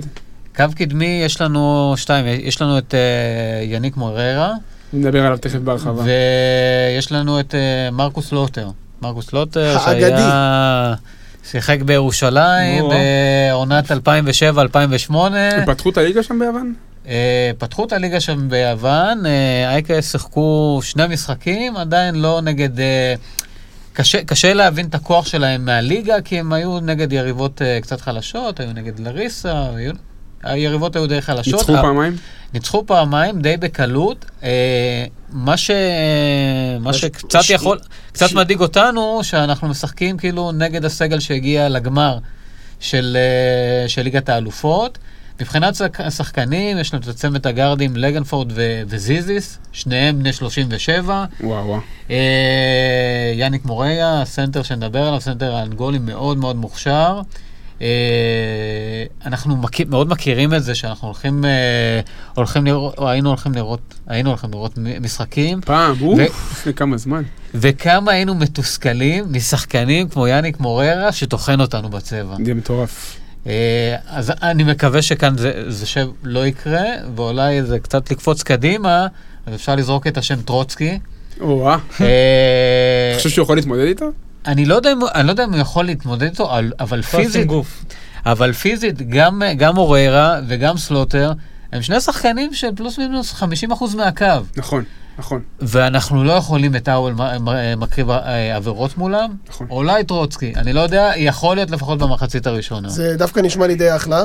עוד אה, שחקן שלא לא כל כך דיברנו עליו זה הליטאי האגדי, אה, מצ'וליס, אקס ריאל מדריד, קלעי מטורף. מעבר אה, לשיא אבל. ברור שמעבר לשיא, אבל גם, על גיא פניני אומרים שהוא מעבר לשיא, כן. וראית מה הוא עשה השבוע. ה-go to guy שלהם מבחינת כליאה אביב זה מאט לוג'סקי, שחקן שיש לו עבר יורוליג אה, נכון. נהדר. במשחק גמר נגד בורגוס שהם הפסידו אותו, היה להם מחצית שנייה גרועה, אבל אה, באיזושהי נקודה ברבע השלישי, המאמן שלהם, שתכף אביב קצת ידבר עליו, הכניס אותו, אה, והוא דפק כמה שלושות רצוף, והחזיר אותם למשחק. אה, לא, ואז- הוא קלעי, הוא אז. לוג'סקי זה הבן אדם לשמור עליו מבחינת קליעה. אה, וכשאנחנו מדברים על המאמן של אא"ק אתונה, מדברים על איליאס פאפה תאודורו, אה, בחור צעיר, יש אה, כאלה שכינו אותו הדן שמיר של יוון. אה, מי- בחור מי שהוא... כינה אותו ככה? אה? עזוב, אני אספר לך. הלפטופ? אני אספר- לך אחר כך. אוקיי. וכשקוראים לך דן שמיר זה חתיכת אה, קומפלימנט, אנחנו מאוד אוהבים את דן. בן אדם ש... שניהם עשו עתודה אולי. כן, עשה עתודה, אה, הפסיד, ניצח את עודד קטש בגמר אליפות העתודה של 2017 אה, עם תמיר בלאט שם, שהיה כוכב שם שכיכב אצלו. מאמן שהוא צעיר, אא"ק אתונה העמידה לו, כמו שאביב ניתח לנו סגל מנוסה... אולי, אולי זה בעצם ה trade off של מה שהם עשו שם. לקחו מאמן צעיר, ושמו לו הרבה מאוד פיגורות אביב, פיגורות ותיקות, עם ניסיון, שראו דברים בכדורסל. מאמן שאולי אין לו, הוא לא קילר כמו שקוטה שהיה שם לפני, אבל זה, זה, זה מאמן, ש, זה סוג של השלמה אחד לשני. אה, אתה רוצה להוסיף משהו? אני, אני, האמת, אני רוצה להוסיף עוד משהו לגבי דדס. אוקיי. זה המגרש הביתי שלו. זה המגרש הביתי שלנו, והמגרש הביתי שלו, והוא מגיע, הוא מגיע, ל, הוא מגיע לשם, ואני חושב שגם הוא יבוא קצת להוכיח את עצמו. אה, כי דדס, אני לא... אנחנו שמחים שהוא איתנו, אבל הקבוצות הגדולות ביוון אולי זה מה שמעניין אותו. גם אולי אה, יכולות אה, לדבר אליו, וזה שהוא מגיע, לש... בשבילנו זה מעולה.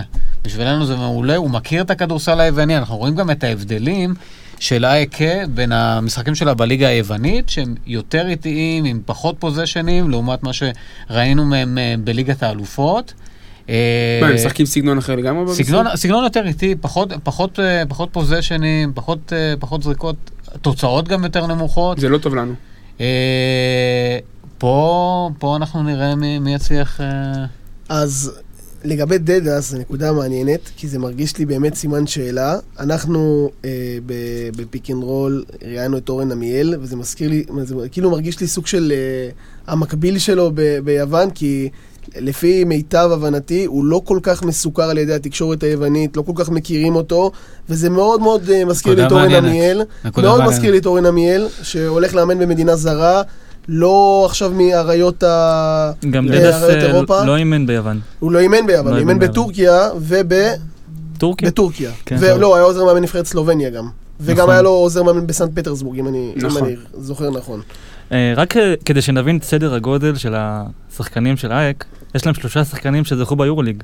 מצ'יוליס, סלוטר וזיזיס. ולך יש שניים. לא? ולך יש שניים. אין הרבה הבדל. נכון, יש בזה משהו. החלשת את הטענה שלי.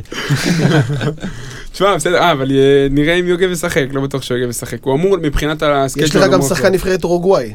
נכון, לה- יש להם שחקן נבחרת אורוגוואי. תגיד לי, יש להם בכל הסגל אף שלהם. אחד מהם לא שחק נגד לואיס סקולה. נכון. או, יפה, אז טרוסקי שמר על סקולה, הוא לא יכול לשמור על מוררה? מה, קל. בטח שהוא שמר עליו. טוב, חבר'ה, אביב עשה לנו בריף, אייק אתונה זאת אה, קבוצה ש... לא רוצה להגיד לפחד, אבל יש מה לחשוש ממנה, זו קבוצה איכותית מאיתנו. כמו שאביב אמר, הם יכולים לגרור אותנו לסגנון משחק, אה, אנחנו קבוצה של fast break, של, של הרבה פוזיישנים קצרים. אה, בוא נגיד ככה, איך שלא תסובב את זה, אין לסטפנוס דדס איזה תורה, פילוסופיה טקטית מאוד מאוד מורכבת שמאמן אמור להתמודד איתה. ובדיוק בגלל זה, יהיה להם הרבה הרבה יותר קשה להתכונן אליך כקבוצה. אין מה לעשות. זה. לרעתך, זה לטובתך. אה, מבחינת, בוא נחשוב עכשיו אם אנחנו אייק אתונה, איך אנחנו מתכוננים להפועל חולון. מצ'אפ. אם אני, אם אני אייק אתונה ויש לי את, ה, את הסגל השחקנים האיכותי הזה ואת הסגנון המשחק האיכותי הזה, אז איך אני מתכונן להפועל חולון? התשובה היא סימן שאלה. אי אפשר לדעת באיזה יום אתה תתפוס את הפועל חולון מחוץ לקשת. וזה, וזה ממש או בעוכריך או לטובתך. אז, אז מבחינת הכנה, אני רוצה שאנחנו נכין קצת את המאזינים שלנו. סטייבוך, אתה רוצה לדבר איתי על איזה מצ'אפ מרכזי, מעניין אחד, שאתה רואה לנכון שצריך לשים עליו את הדגש במשחק? לפי דעתי לנגפורד עם אה, מגי. חתיכת מצ'אפ. מצ'אפ מעניין. זה אה, יחסים של אבא ובן שם בגילאים, לא? אה, יש משהו, יש משהו כזה. דבר איתי על המצ'אפ. לנגפורד, אני מאמין שרובנו מכירים אותו, הוא גם שיחק בראשון לא מזמן. הוא מוביל שם כדור או שהוא משחק שם כשתיים? הוא משחק כשתיים, הוא יכול גם להוביל כדור. הבן אדם סקורר אחד הגדולים באירופה, וגם בגיל 37. אה, יהיה מאוד קשה לעצור אותו, ונקווה שמגי ייתן את התפוקה שלו, יש לי- הוא שאנחנו אחלה התרגלנו עד שומר עכשיו. מגיע, מגיע אחלה שומר. יש למגי את העוצמות ההגנת- ההגנתיות להתמודד עם מישהו כמו לנגפורד? אני מאוד מתרשם מהיכולת ההגנ- ההגנתית, גם של מגי, גם של למעשה של כל הסגל. אה, אני מקווה שנצליח להתמודד איתו. אני חושב שטרוס מגי, הדרכים לעצור את לנגפורד זה לא דברים קונבנציונליים, אה, כאילו זה בן אדם שיודע לייצר לעצמו מכלום. פשוט צריך להפעיל עליו לחץ פיזי, אינטנסיבי, כל המגרש, מי ישמור עליו? מגי ישמור עליו לדעתכם? לדעתי לא, לדעתי או ג'ונסון או... יכול להיות וורקמן. אביב, מי אתה רואה שישמור עליו? ג'ונסון. אה, יכול להיות ש... יכול להיות שדנס שני הפורורדים? פה... כן, זה, ג'ונסון וורקמן. יש, לנו אנש, יש לנו את השחקנים אה, בדרך כלל. וורקמן פותח על הרכזים, כאילו כן, נכון, תמיר בלאט, אה, תמיר בלאט. וורקמן פתח והוא גם פתח על יפתח זיו, וורקמן. אז הוא יפתח על? זיזיס. יכול להיות שלא, אבל זהו, יכול, זיזיץ' הוא לא זיזיץ'. איום התקפי ברמה, אתה יודע, ברמת החדירות לסל כמו, כמו נגיד יפתח זיו, או ניהול המשחק ברמת uh, תמיר בלאט. הוא כן, הוא, יש לו את כל, לא, לא ניקח לו את מה שהוא עשה כבר, אבל אולי דווקא פה כן אפשר להציב את אריס. על ו- מי, על לנגפורד? לא, על אה, זיזיץ'. ו... ועל לנקפורד, כן, להציב את אחד מהסמול פורורדים, כי אתה צריך לשמור גם אחד לגבוהים. גמר גביע ווינר נגד ווילבקין, את מי אתה שם? מה, מה? גמר גביע ווינר, נגד- על מי אתה שם על סקוטי ווילבקין? וורקמן. אה, קריס ג'ונסון. אביב, מה אומר? אני מסכים מאוד עם מאיר. כן, ג'ונסון? ג'ונסון. אבל מי ישמור על החמשים? אה, זה בעיה אחרת. אנחנו, אנחנו נגיע לזה, אבל באמת, מה המפתחות ל... מה אנחנו נעשה בהתקפה כדי שאנחנו נצליח להתמודד עם אייק? רגע, אבל לפני המפתחות, יש, יש איזה עוד מצ'אפ שאתם רציתם לשים עליו את הדגש? משהו מרכזי? אני רציתי, יאניק מוררה, אמרנו כבר את השם שלו, הוא פותח בחמישייה של ההיקה כל משחק, גם, בין גם בליגה, גם, אה, גם בפיינל 8. אה, ומעניין מה יהיה בהתחלה. אנחנו יודעים שאוול יש לו את הבעיה הזאת של להיכנס ל... לבעיית עבירות בתחילת משחק, ואנחנו לא רוצים שאחרי שלוש דקות אוול יהיה עם שתי עבירות על אה, מוררה. אז המצ'אפ הזה של מוררה והאוול אה, משמעותי מבחינתך. מאוד משמעותי. אה, ראינו את המשחק ואיך אה, איך הוא התחיל נגד ירושלים. אוול הי- נכנס מעולה למשחק עם החטיפות, אני ממש מקווה שנראה את זה גם שמה. אבל זו, זו נקודה מאוד חשובה, כי אין לה... בליגה הזאת אפשר איכשהו אה, אה, להסתדר. באירופה צריך, צריך, צריך איזשהו פתרון, האוול, האוול אנחנו צריכים, צריכים שהוא יהיה זהיר, צריכים שהוא יהיה זהיר. אז, אז, אז יפה מאוד, אביב שם את המצ'אפ של מוררה והאוול, וזה פשוט מוביל אותי למפתח הראשון לניצחון שאנחנו כתבנו לנו פה אה, לדבר עליו. אה, עוד פעם, סוגיית הצבע, אנחנו מדברים על זה, הלוך וחפור, כל פעם אנחנו מדברים על זה. מוררה, שהוא דיבר עליו עכשיו בהרחבה, נתן תצוגה בליגה נגד לריסה, לאחרונה עם 20 נקודות, 70 אחוז ל-2, 6 ריבאונים, ואדוני טאבוך, 5 חסימות. הגיע למדד 30, שחקן שהוא קופ, הוא, קוראים לו הקווין דורנט האירופאי, כי הוא באמת קופי של קווין דורנט. אה, מה, בלוק או... בלוק, בלוק, בלוק, לא, לא במשחק, אה, לא קרוב, נבהלתי. בלוק, בלוק. אה, בן אדם הוא בן אדם שאם הוא רוצה, הוא לא שט בלקר לאורך הקריירה, אבל הוא מטריה הגנתית, הוא מאוד יקשה על חדירות לצבע וסוגיית הריבאונד. אביב דיבר על ההתמודדות של ריץ' איתו. יש לנו מה למכור? מאיר, חוץ מ- מלבוא עכשיו ולהגיד, וואו, תביאו זר חמישי לאירופה? אה, מה, ברמת הצבע או ברמת... ברמת הצבע, זה המפתח הראשון שבחרנו לניצחון. אה, לא, אין לך מה למכור ברמת הצבע, אתה לא יכול להתמודד עם הגבוהים שלהם. אה, מעבר לזה, מה שמספיק לך לליגה, בטח שלא יספיק לך נגד הקטונה. גם בגלל סגנון המשחק שלהם, לא רק בגלל הצבע המפורסם שלהם. הם מוסרים מלא אסיסטים, הם משחקים מלא pick and roll, הם יזיזו אותך מלא.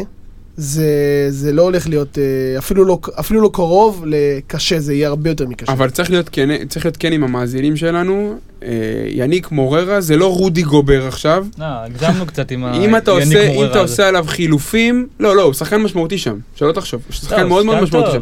אתה עושה עליו חילופים, מביא עליו גארד, לא נראה לי שיש, כל הגארדים שלנו יכולים לקחת אותו לסל. הוא לא מספיק זריז. אני אענה לסתיו לפני הכל. אני אענה לסתיו, אם ג'ורדן מרפי חגג עליך, תהיה בטוח ש- כן, שהוא הוא- יעשה לך... הוא גם- הוא לא... הוא- זה משחק מתנה בשבילו. השאלה אם אנחנו נצליח להתמודד איתם במכלול. השאלה אם אנחנו נקלע יותר מהם, זו השאלה, זה. הכל. שאלה יפה. אה, מאיר, לגבי כליאה, אה, שמת אבל- לעצמך... אני רוצה להוסיף עוד משהו לגבי ההתמודדות בריבאונד. אה, זו קלישאה, אבל זו עבודה קבוצתית. אם אני לא טועה, אה, בארבעה משחקים לא ראינו איזה שחקן שעשה דאבל דאבל. אצלנו. זה אצלנו. אולי נראה לי ג'ונסון זה- נגד נס ציונה. אולי- אני חושב שכן. היה משהו? אולי ג'ונסון. אבל, אבל לעומת שנים קודמות, שנה שעברה, אה, ברח לי השם שלו, מדלגדו? לא לא, דלגדו, זה אני כל. כל, כל, כל, כל משחק היה דאבל. אז השנה אתה רואה, אתה רואה את החלוקה בין השחקנים לריבאונדים, זה ארבעה. גם בנקודות. חמישה, ש- גם בנקודות, נכון, נכון, אנחנו רואים, אנחנו רואים חלוקת נקודות, 16, 16, 15, זה... אז אז, אז- אז אותו דבר ברימבו, אנחנו נצטרך לראות את, ה, את האזור, כי אוול לא, לא יסתדר לבד, אנחנו נצטרך לראות גם את, אה, גם את ג'ונסון וגם את וורקאם, שהם שחקנים שיש להם. נוכחות, יעזרו ברימבו. אז רגע, באספקט הזה תדבר איתי, תדבר איתי על עבודה קבוצתית, איפה נכנסת פה העייפות? של אחרי משחק נגד ירושלים, ושלושה ימים אחר כך כבר אייק, בסגל קצר, זה יכול להיות משמעותי. זו שאלה טובה, אנחנו, קודם כל אנחנו מקווים ש, שבורדיון ייכנס וייתן עוד קצת דקות, כי uh, גם מגי וגם אריס של, מעל לשלוש, בין 30 ל-35 דקות בכל. בכל משחק. פעם בשבוע זה עוד uh, אפשר זה, אבל פעמיים בשבוע עם טיסות זה, זה קשה מאוד, ואנחנו מקווים שבורדיון, uh, לפחות בחודש הזה, ייכנס ל... לאט לאט וייתן את הקצת מנוחה בין 15 ל-20 דקות. לא מה שאוחיון היה נותן, שהיה, שהיה משחק, היה נותן יותר, אבל שייכנס, ל, שייכנס לרוטציה, כי זה מאוד חשוב ב, במצגת הגארדים החסרה שלנו. יש לי שני דברים להגיד. קודם כל, אה, היינו, נשמענו קצת פסימיים ב... כשדיברנו על המשחק. אני כן יכול, כן, משהו שאני יכול כן להגיד ל, ל, לקהל, שאתה יודע, לצופים. אה, במאה אחוז, אני לא חושב ש, שאנחנו נגיע כביכול להיות מובסים כמו המשחק ההוא בפאוק סלוניקי, ש... וואי, איזה משחק מעצבן זה מזעזע, היה. אני כן יואו. חושב שאנחנו נעלה מ, מה, באמת מהדקה הראשונה ו, ונשמור ונטרוף. אני, זה אני מאמין בזה מאוד. הדבר השני, ש, שזה מאוד מעניין, האם יכול להיות שאנחנו נראה אחד מהפצועים חוזרים מחר? זו שאלה. אנחנו נקווה מאוד. אמרתי, אמרתי, אני אגיד את זה שוב, מבחינת הסקייג'ול, מבחינת לוח זמנים, אה, לפי ההצהרות הרשמיות של המועדון, אה, מחר אנחנו סוגרים שבועיים ל- לפציעה של אוחיון. אז לי אמרו פעם, מישהו פעם מהיציע אמר כל פעם שיש הודעה רשמית על פציעה של אוחיון, תכפיל בשלוש וזה הזמן שהוא יחזור באמת. אז אני לא יודע כל עד כך... עכשיו מה. שבועיים. אז יש כנראה עוד איזה חודש. אה, דבר איתי, אה, מאיר, לגבי מפתח לניצחון אה, שני שבחרת, דיברת איתי על בחירת סריקות, איך זה חשוב כדי להיכנס לשטף התקפי, ומה אתה מסיק במשחק של ירושלים בקטע הזה. אז ככה, קודם כל ראינו שבאיזשהו שלב דדס לקח טיים-אאוט נגד ירושלים ואמר להם, חבר'ה, אני לא רוצה שתגבילו את עצמכם בזריקות, אבל אתם לוקחים זריקות לא טובות. זה לא זריקות טובות, בגלל זה גם זה לא נכנס. אני מאוד מסכים, מאוד מסכים עם, אה, עם אה, דדס, אני בעד שחולון תזרוק את הכמויות שהיא זורקת עד, עד כה, אבל שבחירת הזריקות תהיה, אה, תהיה טובה, בגלל שזה משפיע לך על המשך המשחק. נגד ירושלים פתחת את המשחק עם כמה שלשות ש... אוקיי, יכול להיות שזה ייכנס, ב, אתה יודע, ביום פסיכי, אבל זה לא שלושות טובות, ה- הזריקות שלקחת בהתחלה, וזה משפיע לך על המשך המשחק באופן ישיר. זה פוגע לך בביטחון של השחקן, זה, יש הרבה, הרבה מאוד מרכיבים אז לדבר הזה. הכניסה למשחק הכניסה מבחינת... למשחק צריכה להיות שקולה יותר. לא אומר לך עכשיו אה, לשמור על היד ולא לזרוק, כי זה אבל, הקבוצה. אבל כן, כן- כן להעיף את השלשות שאנחנו רגילים, כמו שלקחנו נגד נס ציונה, כמו שלקחנו נגד אילת, אבל שזה יהיה טיפה יותר ביקורתי מאשר אה, מול ירושלים, שזה לא יהיה, אתה יודע, יש לך יד על הפרצוף, אז בוא נזרוק. דווקא. נגד ירושלים זרקנו הכי מעט שלשות העונה. כי, לא נתנו לך 25 יותר מדי, הם, באמת כן, לחצו. אבל זה לא עכשיו בפער מטורף. אתה זה- לקחת, את השלשות תחת לחץ, תשבור את הלחץ ואז תזרוק את השלשות, זה מה שאני היו לנו אומר. גם זריקות פנויות, ואני מאמין שגם אם אתה מחטיא, אתה צריך להמשיך לזרוק. כמובן, לא, זריקות. נכונות, אבל להמשיך לזרוק, כי. זה- זאת השיטה. אין שאלה, אבל כשאתה נכנס למשחק, יש דרך להיכנס למשחק גם ב- ב- ב- ברמת הכלייה מבחוץ. שהשלשה הראשונה נכנס, נכנסת זה הרבה יותר קל. כשאתה לוקח שתיים, שלושה זריקות, ארבעה זריקות, וזה לא נכנס, זה בעיה. אביב, דבר איתי על אה, מפתח שלך לניצחון. אה, אנחנו אוהבים לתת את הבמה לאורחים שלנו ושישתפו אותנו בזווית המקצועית שלהם. דיברנו על ריבאונד, דיברנו על כליאה. איך אנחנו מנצלים עוד איזה נקודות מפתח אחת כדי אולי לגנוב משחק באתונה? קודם כל, יש משהו אחד שהוא ממש אה, כנקודת פתיחה לטובתנו, אין קהל. אין קהל, אנחנו מכירים את הקהל של אייקה אתונה. אין, אנחנו- אין קהל אצלם, זה אומר שגם אין דגלי אש"ף.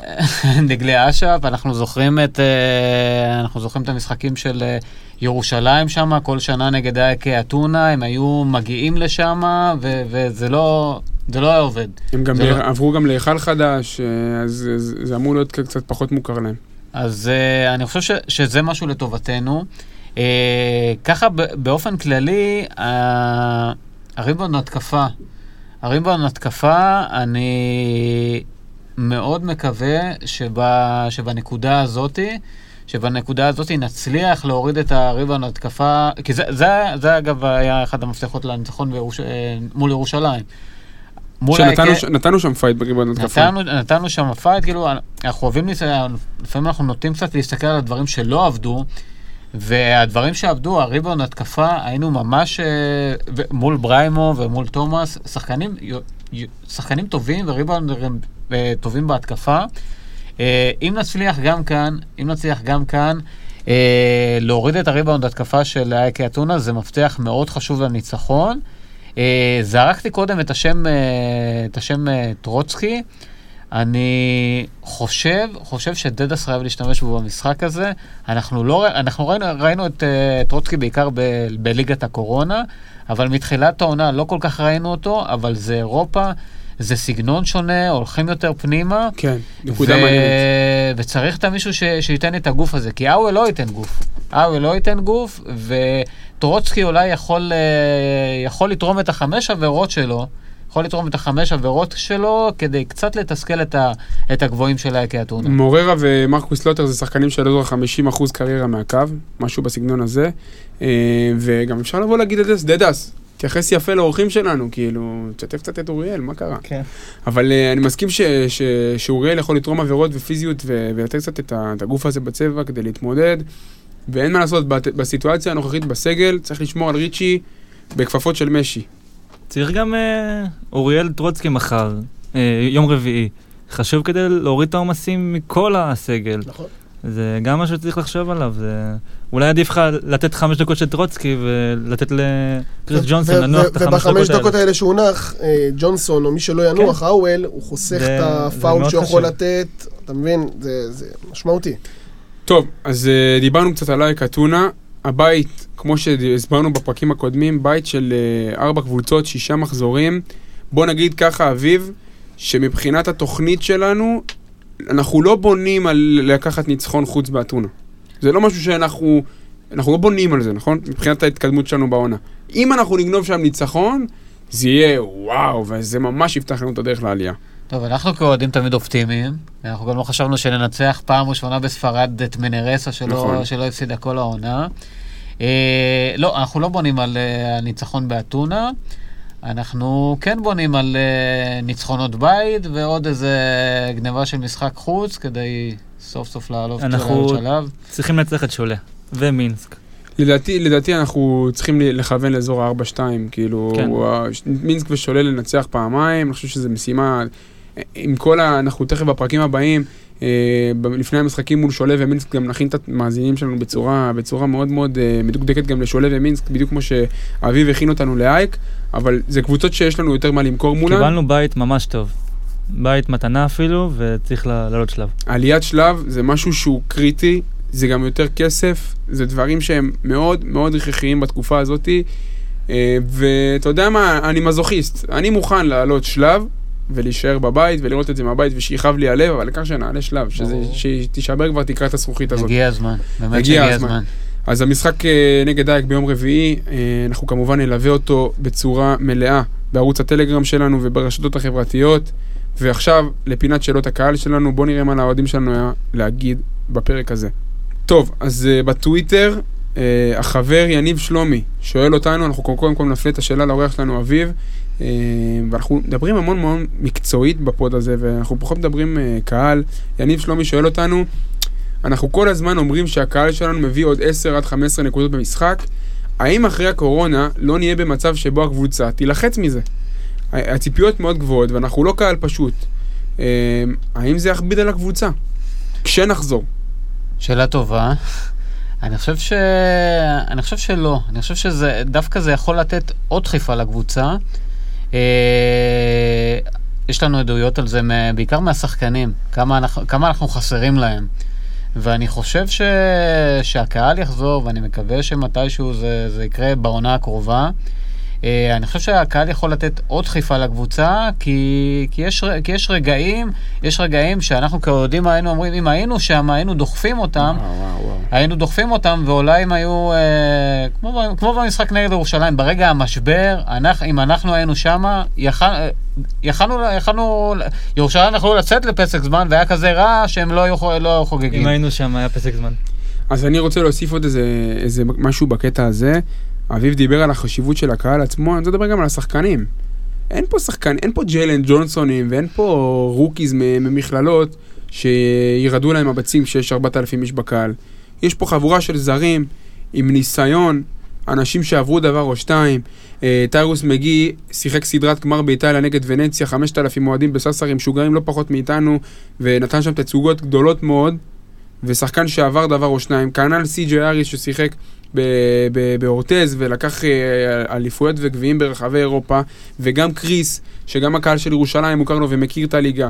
זה לא זרים, וכמובן הישראלים שלנו שאיתם אין מה, אה, עליהם אין מה לדבר בכלל, גיא, ויו- גיא ויוגב חיים מזה, במיוחד גיא. כן. אבל הזרים, אין מה לדבר בכלל על הזרים, זה זרים שזה לא... לא שזה לא משפיע עליהם, זה לא יכול להשפיע עליהם לרעה. בוא נגיד אבל שראינו ראינו מה, את הרימוני עשן בהתחלה באוטובוס, שכל כל החבר'ה שם צילמו. בוא נגיד שזה לגמרי משפיע ומדרבן, וזה אה, כיף לראות, אחלה. באמת. זה, זה, זה אפקט אה, מאוד מאוד גדול שזה עושה להם, וראינו את זה גם ברשתות החברתיות. אז אנחנו כמובן מחכים לחזור.